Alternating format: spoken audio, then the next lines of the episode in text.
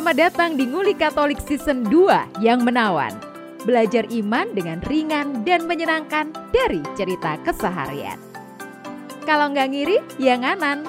Selamat mendengarkan, teman-teman.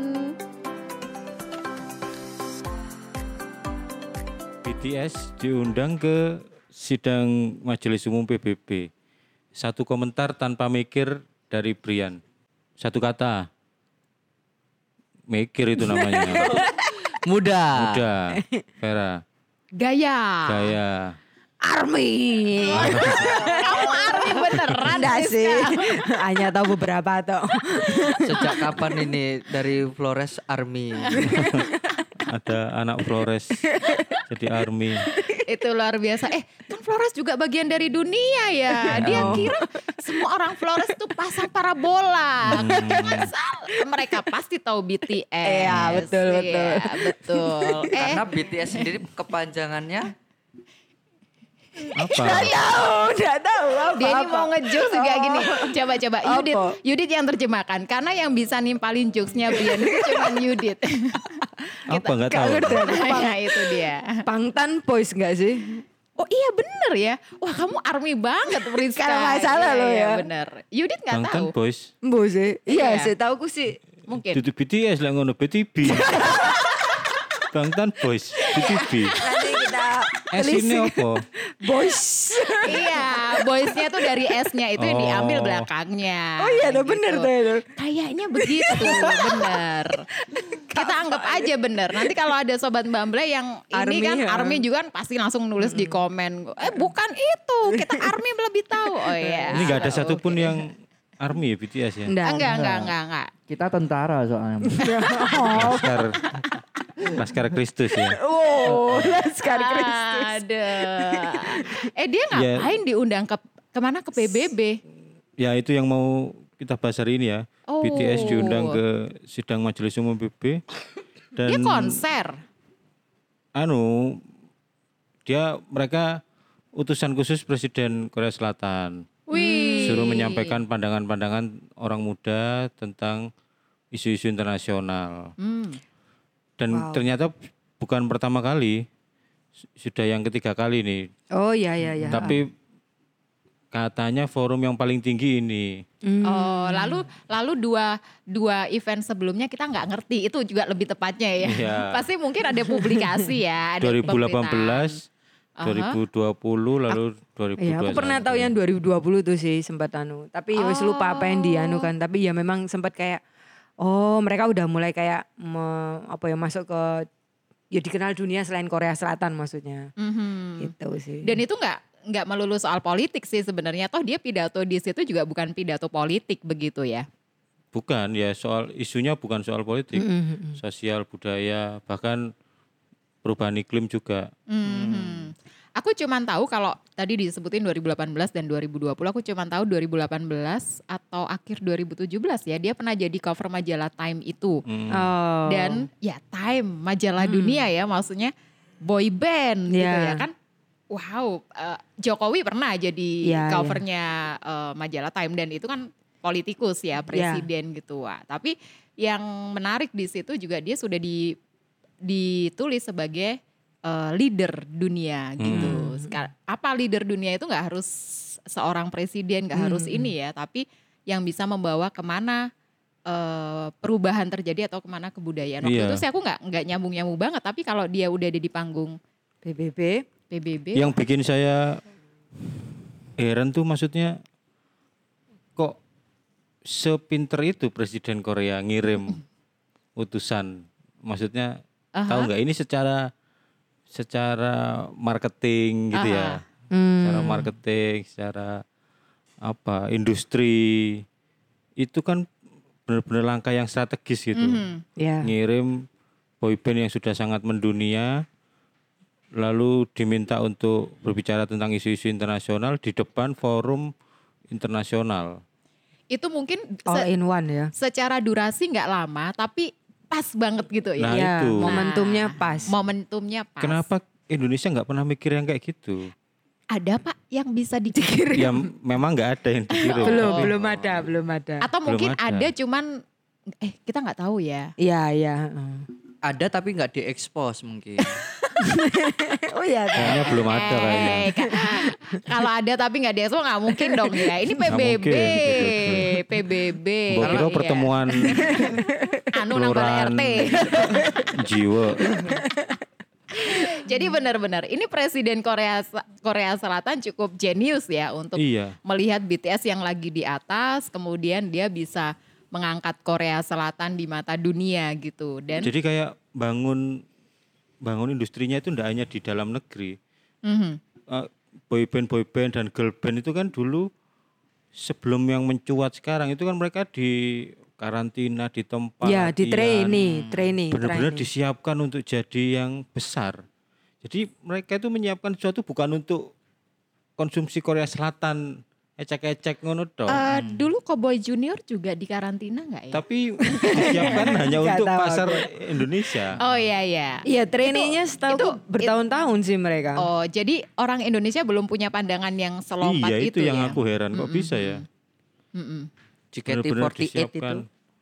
JKT itu It- nggak murni itu. Dia nggak itu tahu ceritanya. uh, Jangan-jangan dia ini berdua fansnya JKT48. enggak, JKT Dari itu kan Jepang toh? franchise. Iya.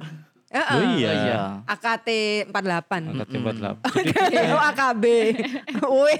kayak beli merek dagang gitu. Oh dia fansnya dia. Oh.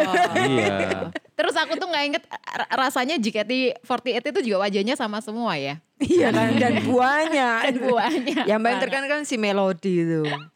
Oke, balik lagi ke, Ke itu. BTS. Si BTS Bangtan Boys. Ya pertama disiapkan untuk internasional secara industri musik. Lalu ternyata di panggung politik juga diorbitkan oleh presidennya sendiri, oleh negaranya sendiri. Mhm. Itu kan bikin iri orang Indonesia gitu dan Mungkin karena memang mereka itu sudah ini ya, sudah berkontribusi banget untuk negara. Jadi yang aku pernah baca, mereka ini Dapat siapa yang bekerja di balik nama besarnya BTS itu ribuan orang bekerja untuk mereka. Iya iya iya. Mulai ngurusin Show-nya. Iya. eh, apa marketingnya lah, wardrobe-nya, sehari-harinya juga. sehari-harinya, asistennya, Iya, terus iya. mengelola fans-fansnya gitu tentang eh, medianya, sosmednya dan segala macam itu ribuan orang. Jadi kayak BTS itu membuka lapangan pekerjaan juga. Oh ini pahlawannya Heeh, Korea ya. Betul. Bisa sih, bisa kayak gitu. Terus juga hmm, apa namanya?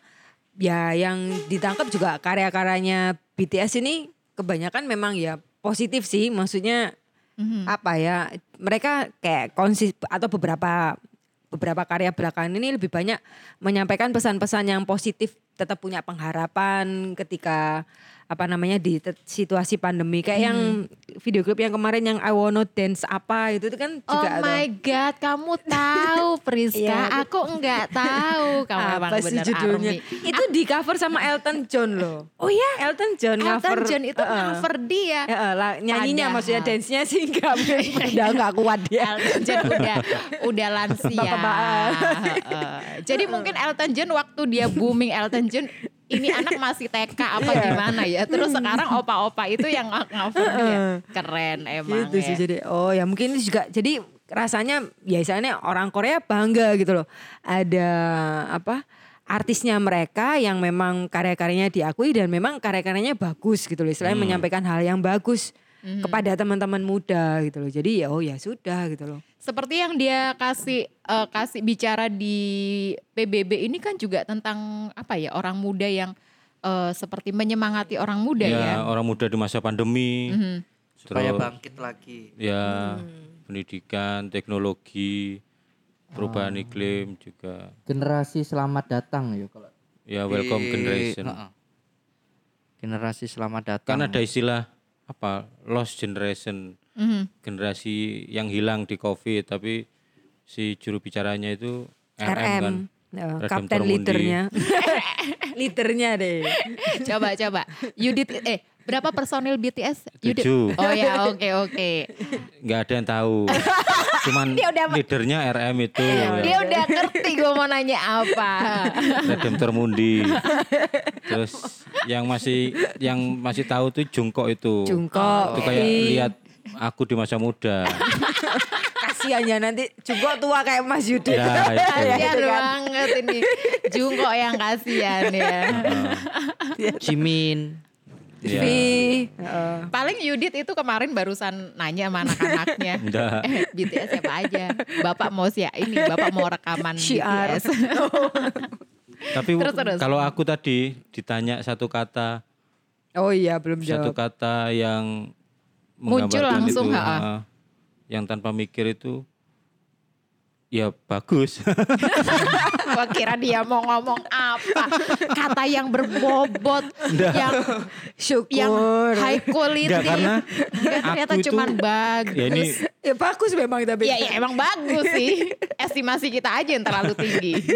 ya ini aku minta maaf dulu sama BTS. Army Oh, karena Army. saya itu termasuk yang salah satu yang memandang sebelah mata boyband boyband gitu karena Oh. mungkin aku ya terpapar netizen sing Kamu dulu suka juga ini loh. Dia juga dulu suka sama Trio Libels. oh iya Apa Boy itu? band zaman dulu band ya zaman ini dulu. ya. Gap generation kita ya. Iya ya. Oke, kenapa Kalau- kamu memandang sebelah dulu, mata? boyband Indonesia. Iya karena apa ya ada cibiran-cibiran gitu tuh Mm-hmm. oh ini ini lip sync Oh. nggak nggak original terus apa penampilannya juga polesan kalau yang bionannya kan plastik itu tuh Iya ya. operasi plastik Iya juga ya kadang kita mikir ya. Ada ya orang bisa nari sambil nyanyi. Kita nyanyi doang aja ya? udah ngos-ngosan, nari doang ngos-ngosan apalagi nari sambil nyanyi semaput mungkin aku udah. tapi salah satu tuduhan yang serius yang saya termasuk mengamini itu itu apa? Ini kumpulan orang-orang muda yang nggak ideologis. Hmm. dan itu kenapa aku mengamini? Karena ya aku menjumpai di banyak tempat ya memang kecenderungannya orang muda itu ndak ideologis. Maksudnya ndak ndak punya satu keyakinan tentang apa sesuatu yang dia yakini sesuatu itu ndak ada Apa pun itu ya. Apa pun. Maksudnya eh, apakah it- gini, apakah itu tidak bisa dibentuk untuk harusnya orang muda? bisa misalnya gini demokrasi Mhm. apakah orang muda zaman sekarang itu benar-benar yakin tentang demokrasi misalnya itu kan ideologis ya dia percaya tentang sesuatu misalnya atau eh, apa tentang non violence non violence movement misalnya apakah mereka percaya itu juga Mhm. nah bel- belum banyak orang-orang yang seperti itu yang Yang vokal tentang itu maksudnya. yang vokal dan meyakini sesuatu dengan benar-benar gitu Karena mereka tidak punya banyak pengetahuan tentang itu. karena mungkin mereka Skeptis. ya apa namanya apatis, skeptis, terus ya mungkin takut mau meyakini sesuatu, takut takut keliru. Misalnya gini, Raditya Dika itu S1 politik UI. Oh ya? Waktu ditanya kenapa kok enggak pernah ngomong soal politik, saya takut dibohongi. Kalau misalnya saya nyebut nama, saya suka sama satu nama, saya takut dibohongi oleh tokoh politik itu karena politik itu dinamis gitu. Oh, itu kan pukulan bagiku itu pukulan untuk orang-orang yang belajar politik. Mhm. Loh, kok kok ngono keyakinannya kan aneh tuh. Dia wis nggak percaya gitu ya. Iya loh, Berarti kok kan iki trust S1 issue. politik loh. Heeh. S1 politik Yang UI. yang artinya secara pengetahuan sebenarnya dia jauh Sebenarnya lebih sudah- lebih Udah tahu banyak harusnya. dibandingkan Sebenarnya orang muda. boleh- Heeh. nggak bisa punya keyakinan kayak gitu. Ya Hmm, memang harusnya sudah tahu kalau politik itu dinamis. Maka lalu ada sistem perwakilan, ada partai dan seterusnya itu kan untuk ngecek itu. Mhm. Tapi ya profil umumnya begitu. Maksudnya nggak meyakini Hmm. sesuatu secara kuat gitu. Kecuali Apa? iman ya. Kalau iman masih banyak. Ah, apa yang apa yang bisa dilakukan orang muda atau apa yang bisa kita bantu untuk orang muda untuk dia bisa meyakini Ya satu literasi. hal. Literasi yo menambah literasi. Lalu nanti akan sampai di satu titik misalnya ya wis aku Milih yang ini. milih yang ini, aku meyakini ini.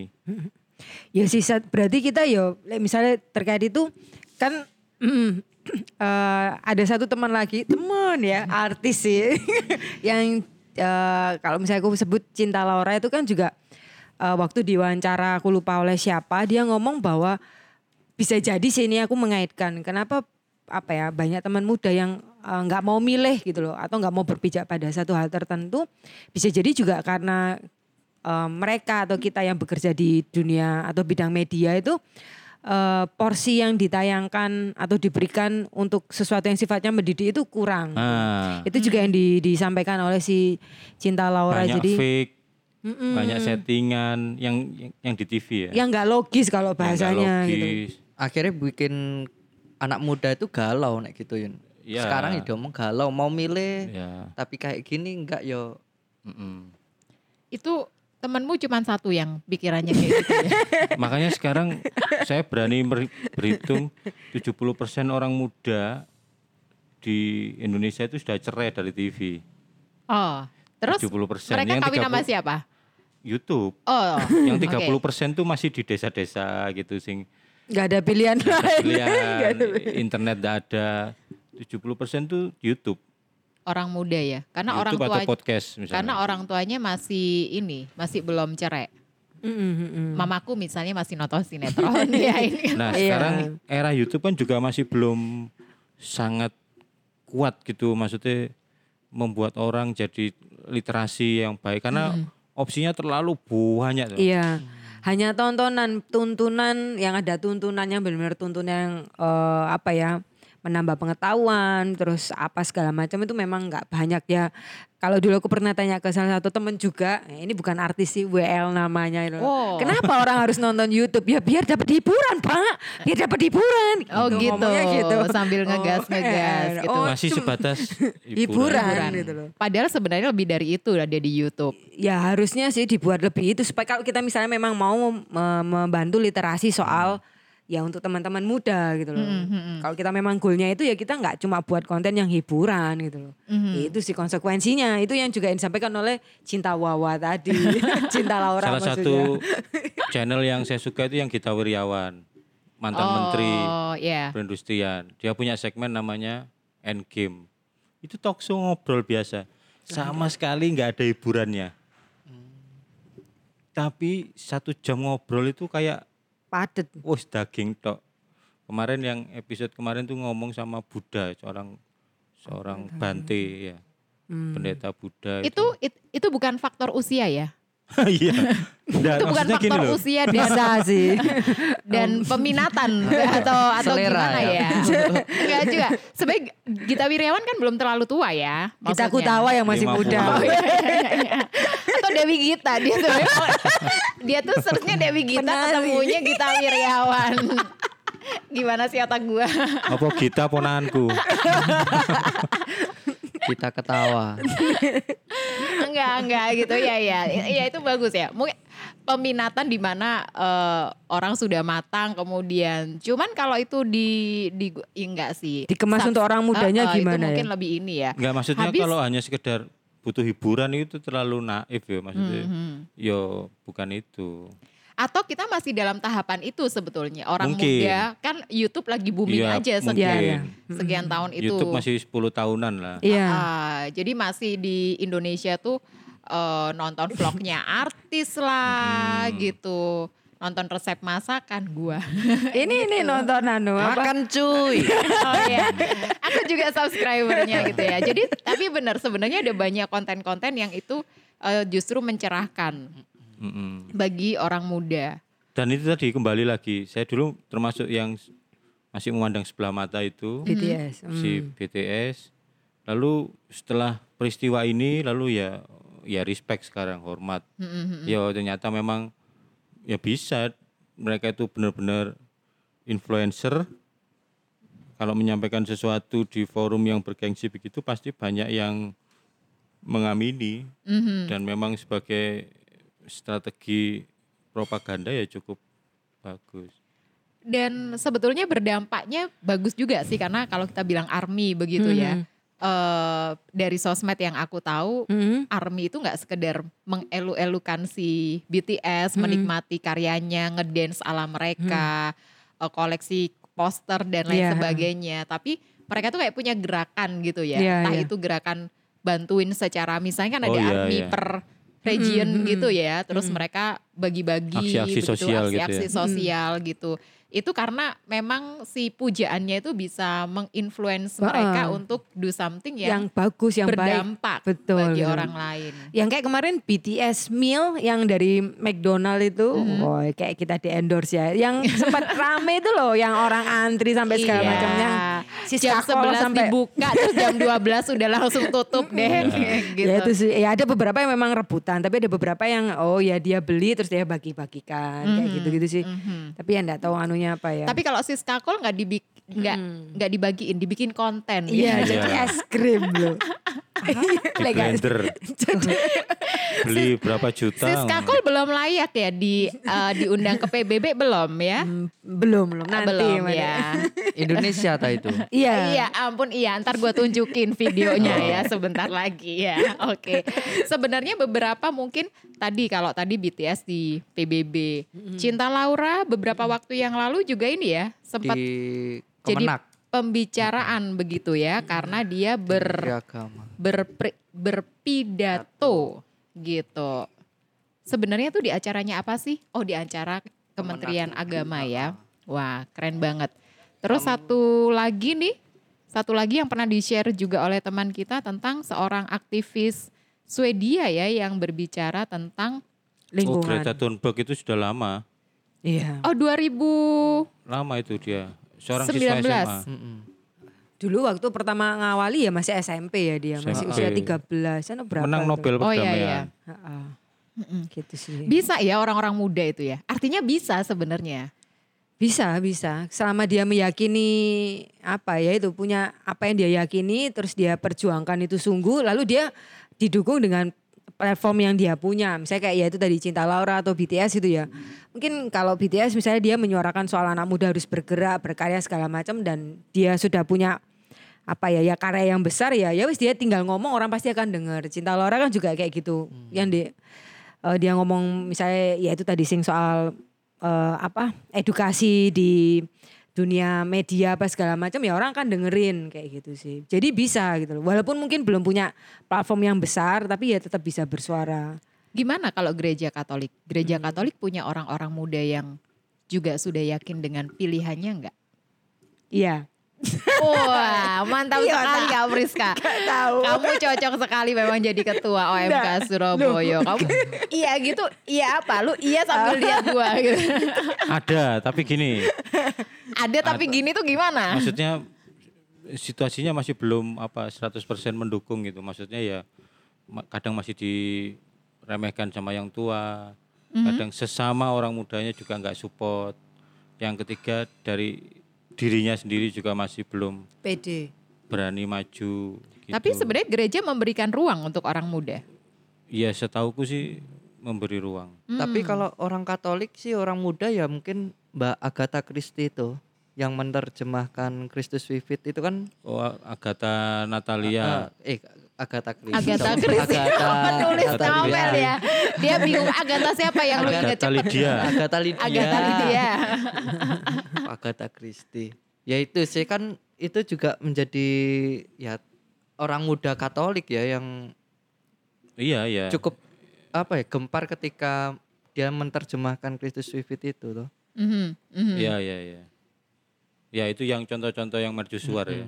Tapi sebenarnya banyak yang tidak bersinar gitu, tapi mereka melakukan sesuatu, meyakini sesuatu, Hmm, yang Iya. berkarya di tengah masyarakat, bertani misalnya, mhm. bikin usaha dan lain sebagainya. Aplikasi sayur bok itu dari orang-orang muda di Jogja, Mhm. membantu Iya, para iya. petani misalnya kayak gitu. Ya banyak, tapi yang sangat bersinar ya memang sedikit karena memang kita sedikit ya. Mm-mm. Tapi yang ta- yang tadi saya sebut belum banyak orang-orang yang muda ideologis itu ya apa fenomena umum lah. Umumnya memang masih belum. Tapi ya pasti ada yang sangat Oke. Beberapa kali gereja Katolik itu juga punya event untuk orang muda ya. Mm-mm. Misalnya World Youth Day kayak Iya, gitu iya. ya. Itu kan eh, dan itu paus siap eh, dulu World Youth Day itu dulu paus dari Paus Yohanes Paulus II. Iya, Ya, itu kan prakarsanya Mm-mm. Paus ya, Yohanes Paulus JP2. II. Iya, Oke, itu JP2. kan selalu datang begitu ya. Sebenarnya apa yang mau dipesankan atau seberapa ini sih se- seberapa besar atensinya paus atau atensinya pemimpin-pemimpin gereja Katolik terhadap orang muda? Itu kan 1981 ya pertama, Wajude pertama. Oh, Pesan yang mau disampaikan bahwa ini loh gereja Katolik itu sekaya ini. Kaya dengan orang muda, hmm. kaya dengan persekutuan, kekayaan iman gereja Katolik itu sekaya ini. Itu yang mau dikampanyekan. Jadi orang muda itu sebenarnya kekayaan gereja. Oh, ya utama. Oh, Mm-mm, mm-mm.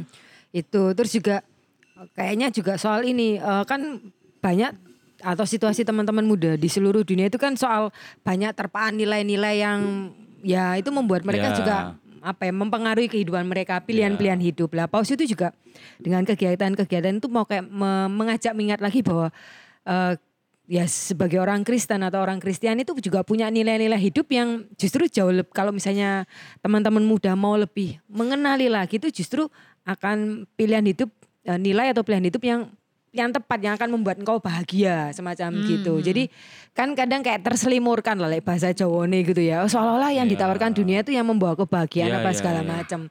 Bahwa enggak gitu loh. Eh, ya misalnya ambil kata soal mm, Persis diajak itu loh, yang pro life, perikop- pro choice kayak gitu-gitu. Perikop Yesus dicobai iblis dulu. Kan cop godaannya kan tiga. Ya. ya, mengubah batu menjadi roti. Ya itu apa soal apa eh, kekuasaan misalnya. Ah, ah, terus menjatuhkan diri. Eh, eh, mencobai Tuhan, Ah, ah.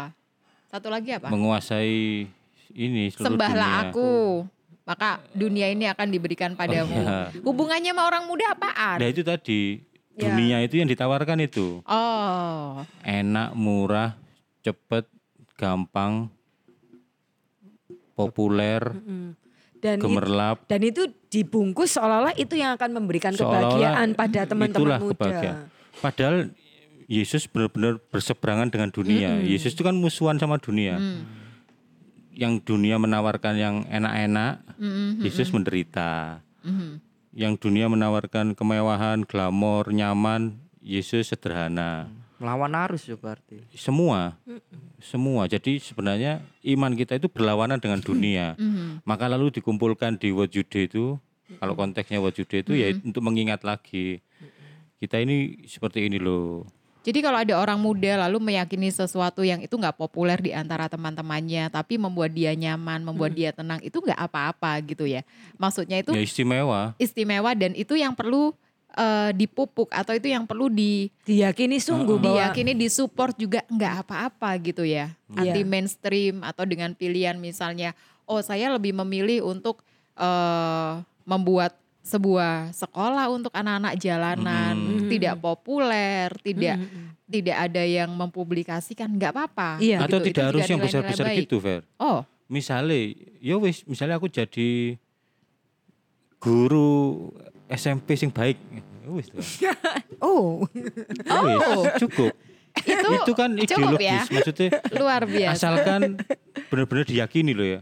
Aku akan jadi seorang guru SMP yang baik, yang nggak cuma mengajar. tapi- Aku sampai berdiri kayak gini. Oh, Tapi lagi, Kayaknya guru. TK ya? Capek, capek. capek. Aku guru playgroup.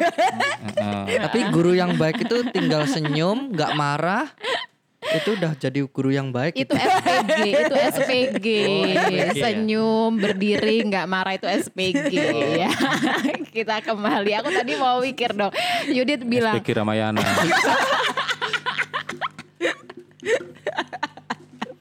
Aduh, aduh, aduh. Mobil plat nomor ini tolong dipindahkan. Ayo.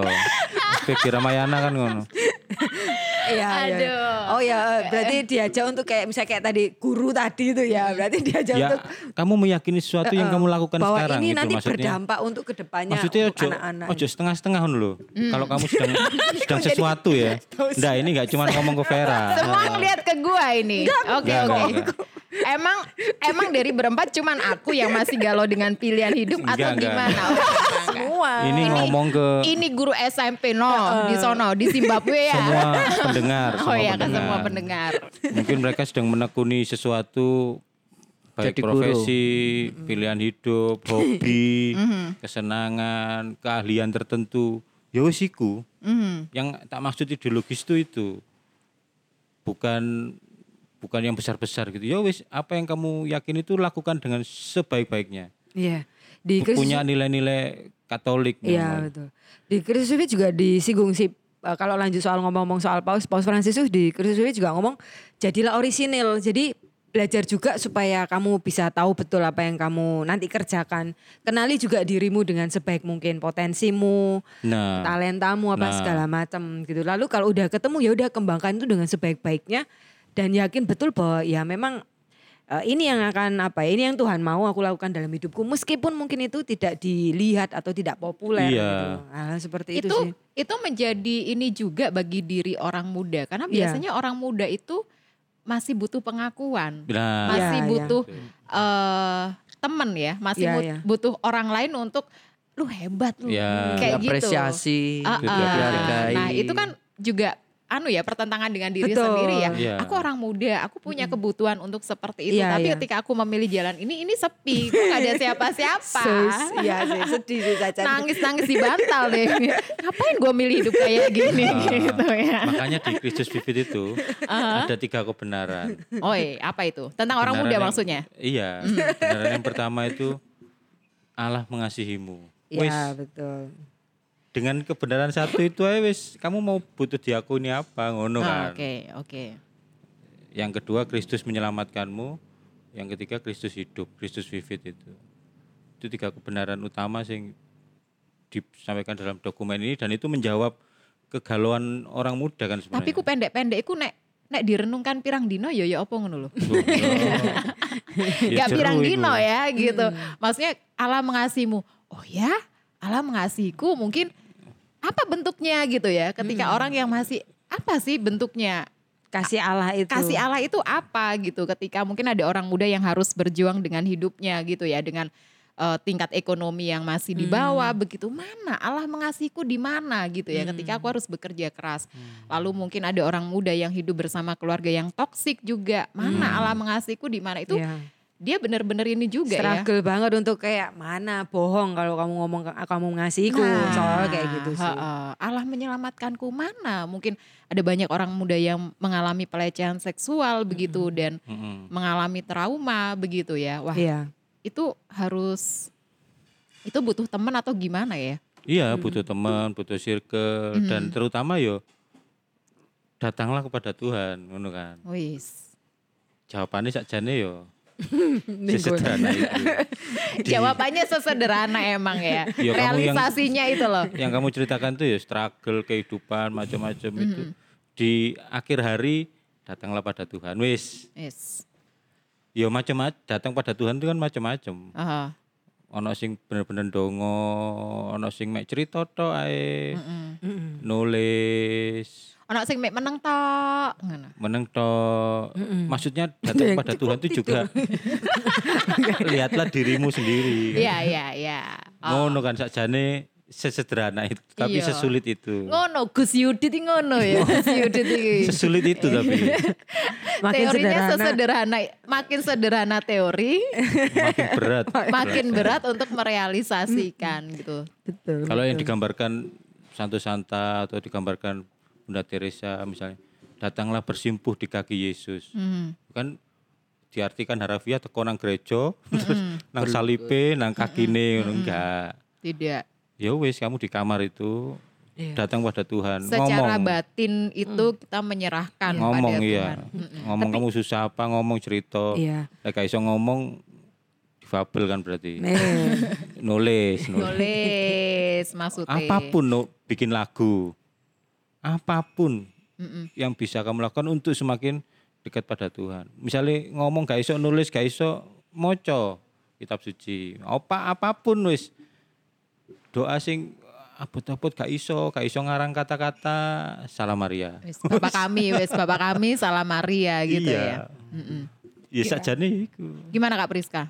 Ya, eh, kayak misalnya tadi ya intinya supaya teman-teman muda bisa misalnya kalau masih bingung gitu ya wah iya ya itu kan Cinta Laura enak BTS kan enak. Mereka wis disiapkan. Misalnya kayak tadi kan ada training sekian lama terus Cinta Laura juga mungkin berasal dari keluarga kaya terus lah aku sendiri itu apa? Gitu lah.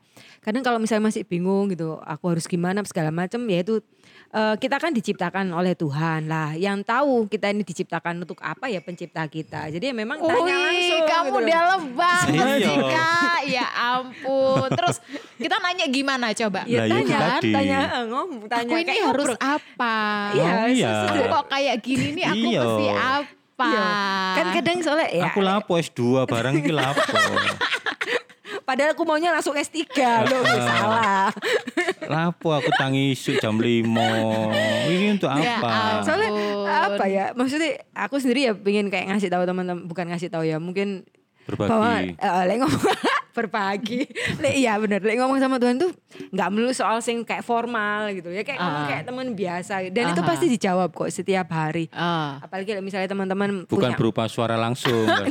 iya, iya sih. Tapi kadang dijawabnya tuh kalau pas misa, misalnya teman-teman ikut misa, entah misa minggu Ah. atau misa harian, kadang dijawab gitu. Entah kenapa kayak dari sabda atau Ah, kadang ah. ketemu Iya. sama Atau homili. tiba-tiba kayak ya Iya, Tuhan. iya, iya. Kayak nemu jawab, oh iya iki kita Iya, jawabannya. iya, Oh. iya. mungkin itu ya. Kalau kayak kata temanku di gereja sebelah itu, aku mendengar suara Tuhan Vera. ya apa suaranya? Ya apa suara? Aku kepingin ngerti bohong. Ah, mungkin aku ini yang kurang beriman ya karena aku tidak bisa mendengar suara. Aku mendengar suara Tuhan Vera. Kalau aku harus menemuimu, ya apa suaranya Tuhan? Aku pengen. Kan gini. Tuhan itu kan juga bersemayam di hati kita. Oh ya, terus? Ya wis, bagaimana cara mendengarkan? Ya dengarkan suara hatimu. Oh. Misalnya ngono. Kamu kok yakin lek Tuhan bersemayam di hati kita? Tuhan tuh juga jauh juga dekat. Oh, iya. Jauh dekat lima ngewu, numpak angkat. Iya. we. Penowo. Ada ayatnya itu. Wih. Tuhan ada di hatimu. Yes. Tapi lali. Yudit wacane Alkitab gitu. Eh, tapi kalau tokoh-tokoh Alkitab yang muda gitu, siapa misalnya ya? Oh, Ada, yang ada itu banyak. tidur-tidur lalu dipanggil itu loh. Ingat nggak itu? Oh, Samuel. Oh, Samuel, Oh. Samuel. Siapa itu. lagi? Tak pikir Bri. Yunus. Bukan. Kan Yunus yo tidur di bawah. Enggak, tapi Itu toh, Yunus tuh udah tua baru diutus ya.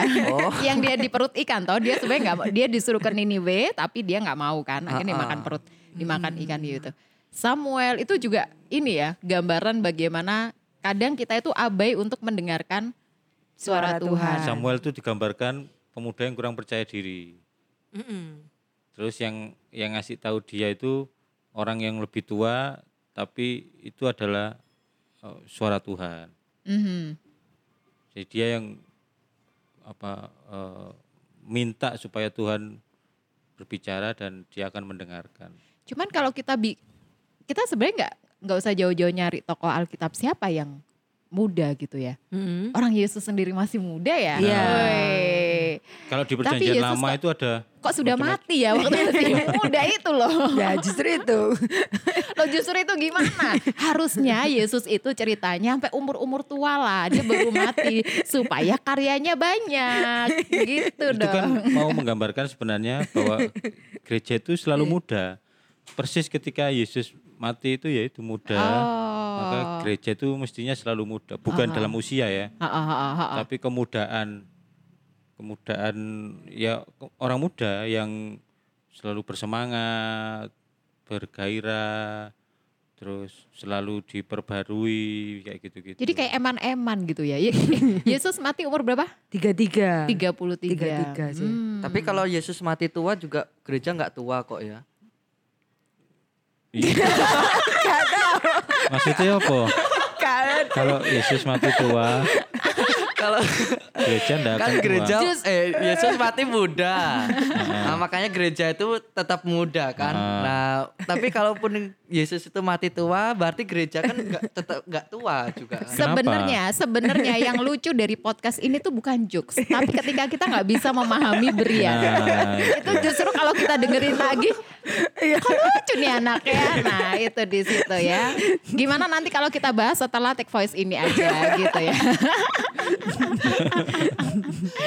ya ya ya. Tapi bener itu ya eh, untuk menggambarkan bagaimana gereja yang tetap muda, gereja yang Iya. dinamis, gereja yang penuh gairah gitu. Karena orang muda seperti itu. Iya, dan gereja yang dari awal sampai ya sampai sekarang ya misalnya tadi ada Samuel, terus ada Daud, ada beberapa orang muda yang memang dipakai oleh Tuhan dalam karyanya, lalu Yesus sendiri adalah orang muda gitu yang mempersembahkan yang terbaik dari dirinya itu kemudaannya untuk menyelamatkan umat manusia, lalu ada santo-santa muda segala macam.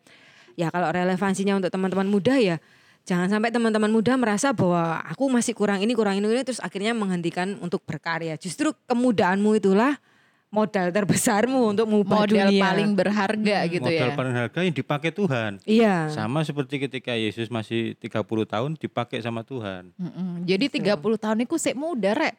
Ojo ngerasa tuwek Iya. ngono ya. Yang Iya, I yang masih muda-muda, yang miskin, gak ada apa-apa itu dipakai apanya? Ayo.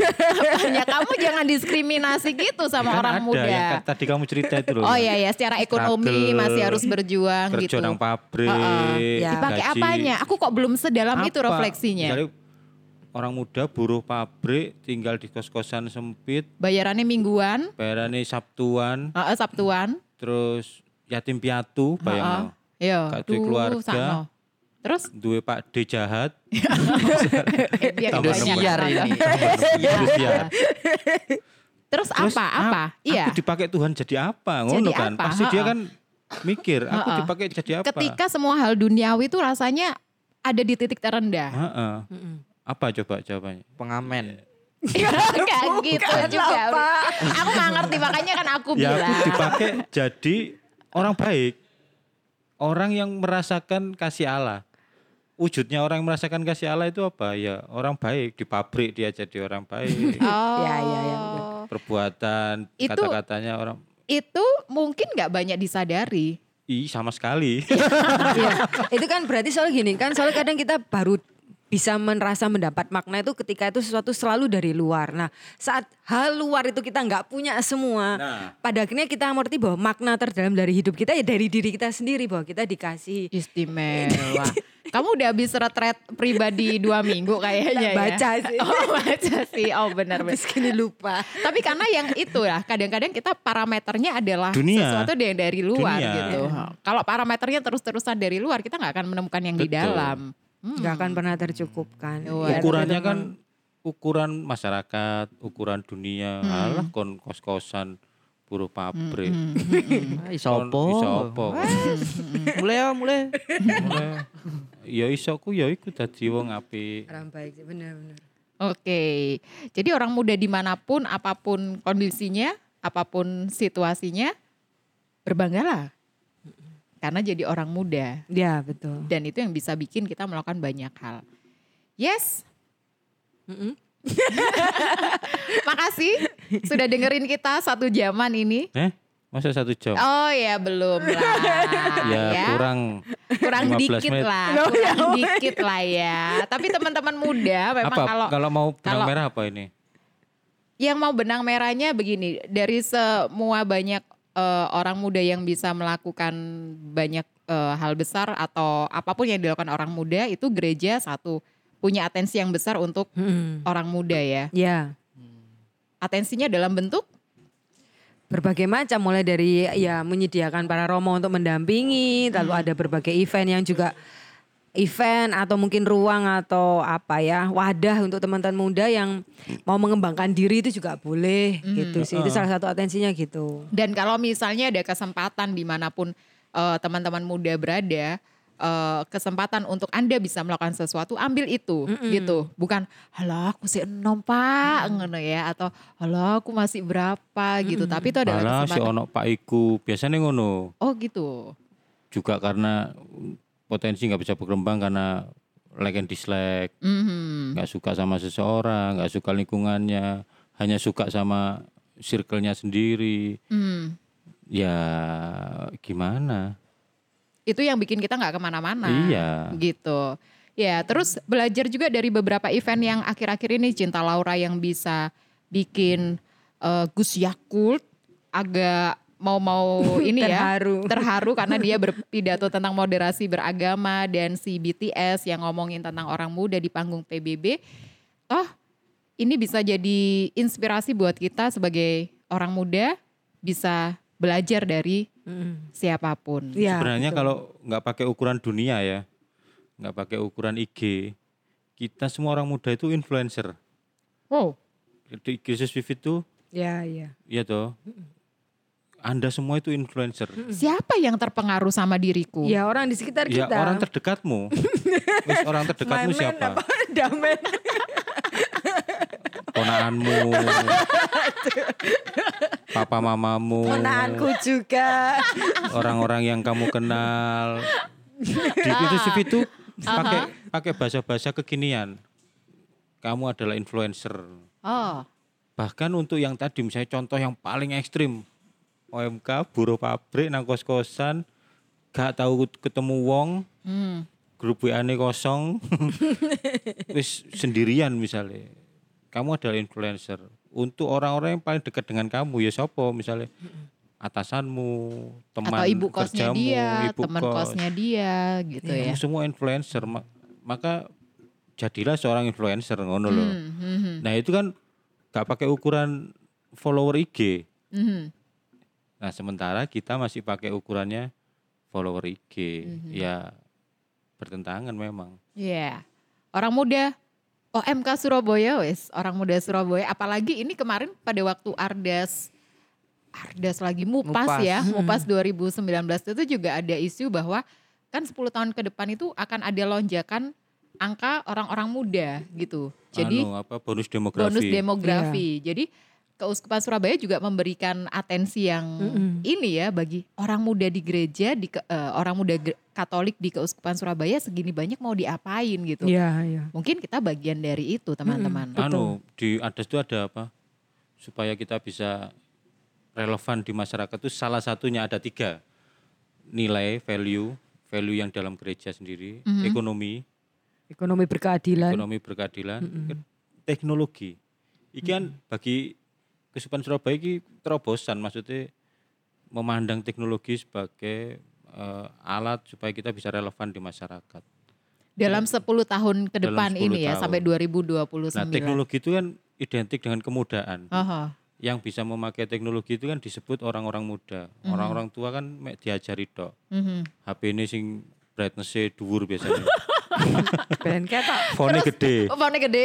fone gede brightness-e 100% terus nyekrole ya tangan kanan telunjuk.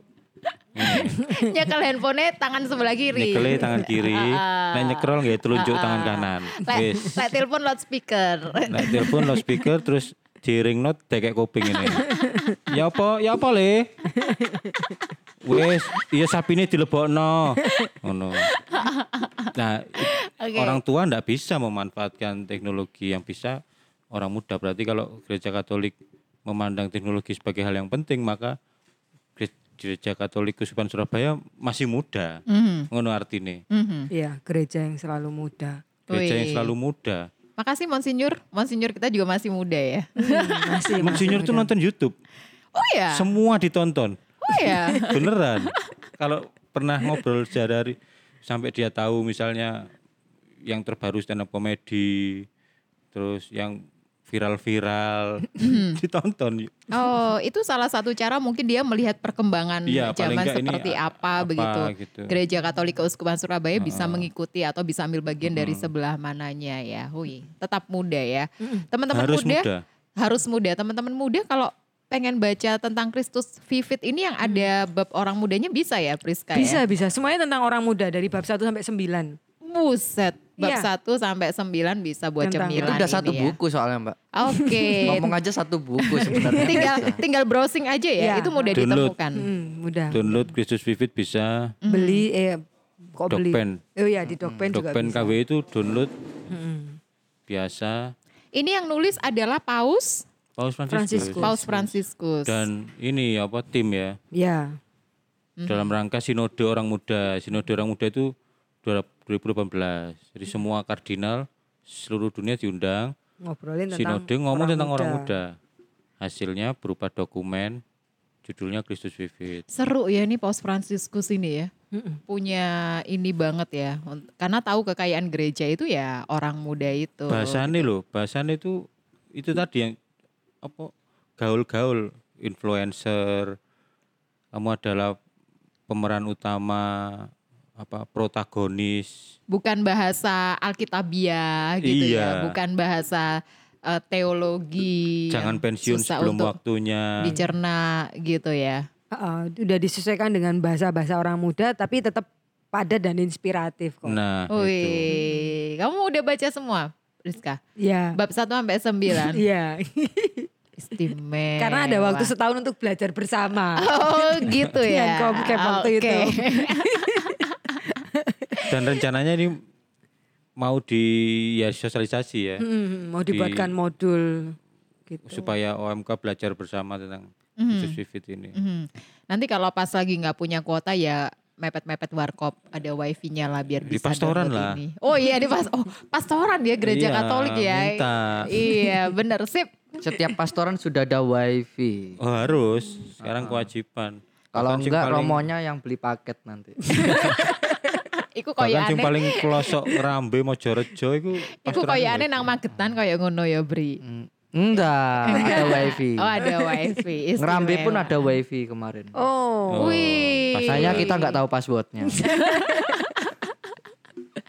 Oke, semangat orang-orang muda Katolik. eh, terima kasih untuk banyak karya yang mungkin Ya. sudah dikerjakan oleh orang-orang muda dan kalau misalnya masih punya banyak mimpi itu tadi nggak perlu menunggu orang lain, boleh kamu pilih jalan sepi pun boleh karena sesungguhnya apa yang diyakini nilai-nilai yang diyakini itu jauh lebih membahagiakan daripada nilai-nilai yang kamu yang ditawarkan oleh dunia. Itu bagus sekali. Wih, Boleh memilih jalan sepi. Benar itu. Cuman itu kuat-kuatan batin, men. Nah, memang, memang.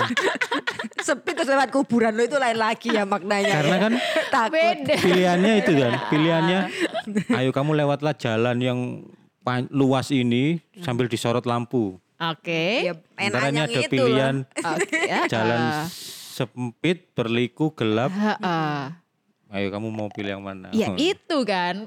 Itu masalahnya di situ untuk membuat sebuah pilihan gitu. Tapi kalau ikut yang jalan besar, gemerlap, lampu, ngikut dunia, hadiahnya Mas Pion.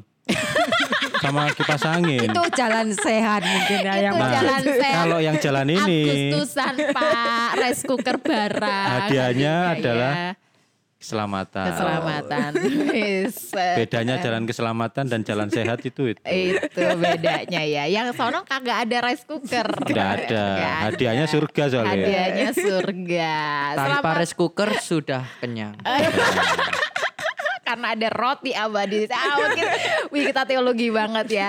Selamat memilih, selamat berkarya orang muda, berbahagialah jadi muda karena justru itulah yang menjadi harga harta paling berharga. Alah, belibet banget gua. Makasih, bye bye. Iya, aku saja nih nyiapno jok iku mau tapi wis Oh, yang mana? Jalan sehat, jalan jalan sehat. Hadiahnya magic chair. jalan keselamatan hadiahnya surga. Jalan sehat nang kampungku hadiahnya Rinso. Ya Pasta gigi. Rinsone wis digawe bisa. Yo kalah. Wis suwek pucuke.